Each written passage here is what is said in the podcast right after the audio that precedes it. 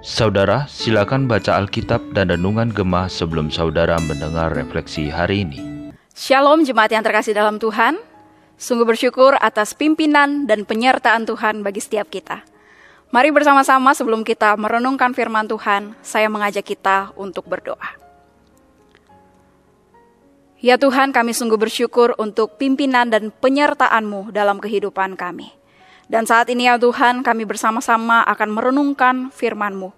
Ya Allah Roh Kudus, biarlah dalam pimpinan dan penyertaan-Mu yang sama, biarlah Engkau yang membukakan apa yang menjadi firman-Mu.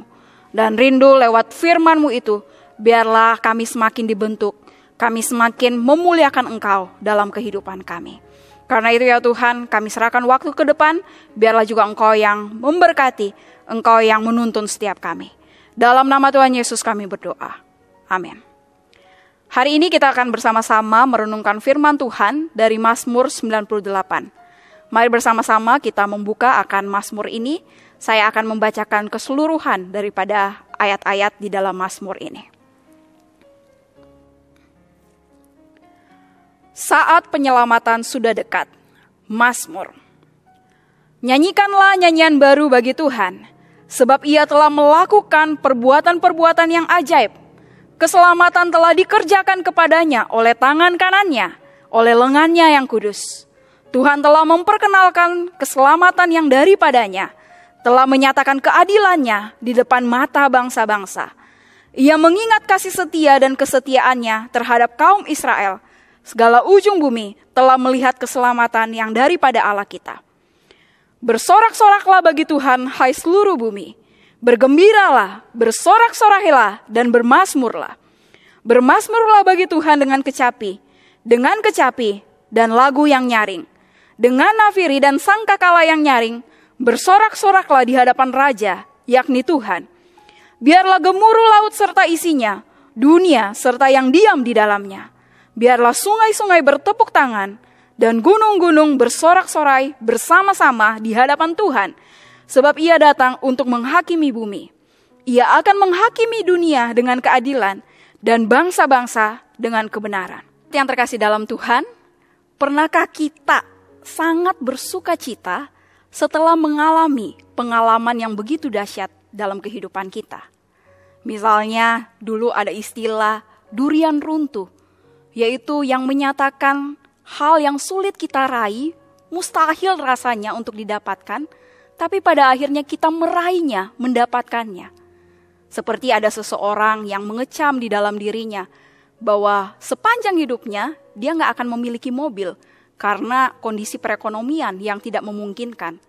Namun suatu kali di dalam suatu undian dia mendapatkan durian runtuh, yaitu lewat undian itu pada akhirnya dia memiliki mobil. Pengalaman ini adalah pengalaman yang dahsyat yang mendatangkan sukacita tersendiri di dalam hidupnya. Ataukah lagi pengalaman yang dahsyat itu, misalnya ada seseorang yang terselamatkan oleh kecelakaan, yang rasanya melalui kecelakaan itu seharusnya dia sudah meninggal. Mustahil rasanya dia dapat selamat, dia dapat hidup. Tapi nyatanya dia dapat selamat, dia dapat hidup kembali. Dan pengalaman ini menciptakan akan pengalaman yang begitu dahsyat, yang mendatangkan rasa syukur dari orang itu tersendiri, yang mendatangkan sukacita bagi orang yang telah terselamatkan. Mazmur 98 ini adalah mazmur yang menyatakan akan sukacita daripada pemazmur maupun bangsa Israel. Karena mereka mengalami pengalaman yang begitu dahsyat bersama dengan Allah, yaitu di mana Allah telah menyatakan kemenangan di dalam kehidupan mereka. Kalau kita meneliti daripada Mazmur 98 ini, di ayat yang pertama, di situ ada dua simbol, yaitu tangan kanannya dan lengannya yang kudus. Tangan kanannya di sini menyatakan bahwa Tuhan telah melakukan keperkasaan dan ia yang telah membawa kemenangan. Lalu lengannya yang kudus di sini merupakan lambang kekuasaan dan kekuatan.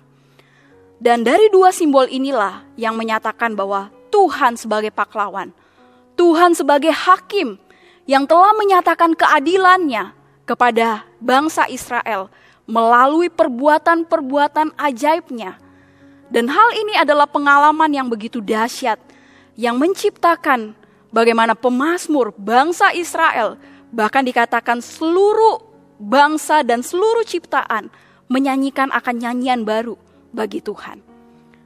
Di dalam Mazmur 98 ini, nyanyian baru kalau kita melihat di dalam bahasa Latin, ini ada kata cantate domino atau di dalam bahasa Inggris sing unto the Lord yaitu nyanyikanlah nyanyian baru bagi Tuhan.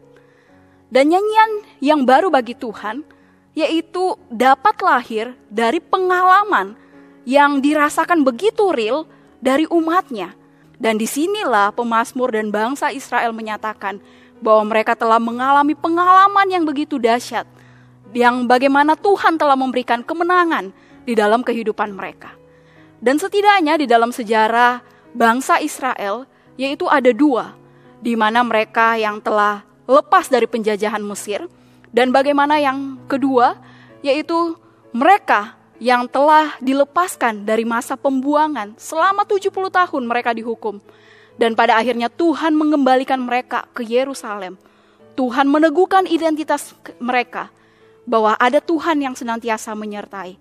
Ada Tuhan yang senantiasa menyatakan akan kehadirannya Meskipun benar mereka telah berdosa di hadapan Tuhan, tapi Tuhan sebagai hakim yang adil itu, yang tidak hanya sekedar menghukum, tetapi juga yang akan menyatakan kasih bagi umatnya, yaitu bagaimana meneguhkan identitas mereka sebagai umat Tuhan. Dan di sinilah perbuatan-perbuatan ajaib yang dirasakan oleh pemazmur dan bangsa Israel yang sekali lagi menciptakan akan nyanyian yang baru bagi Tuhan Bahkan di dalam bagian ini kita dapat melihat nyanyian mereka begitu progresif. Begitu progresif sukacita mereka.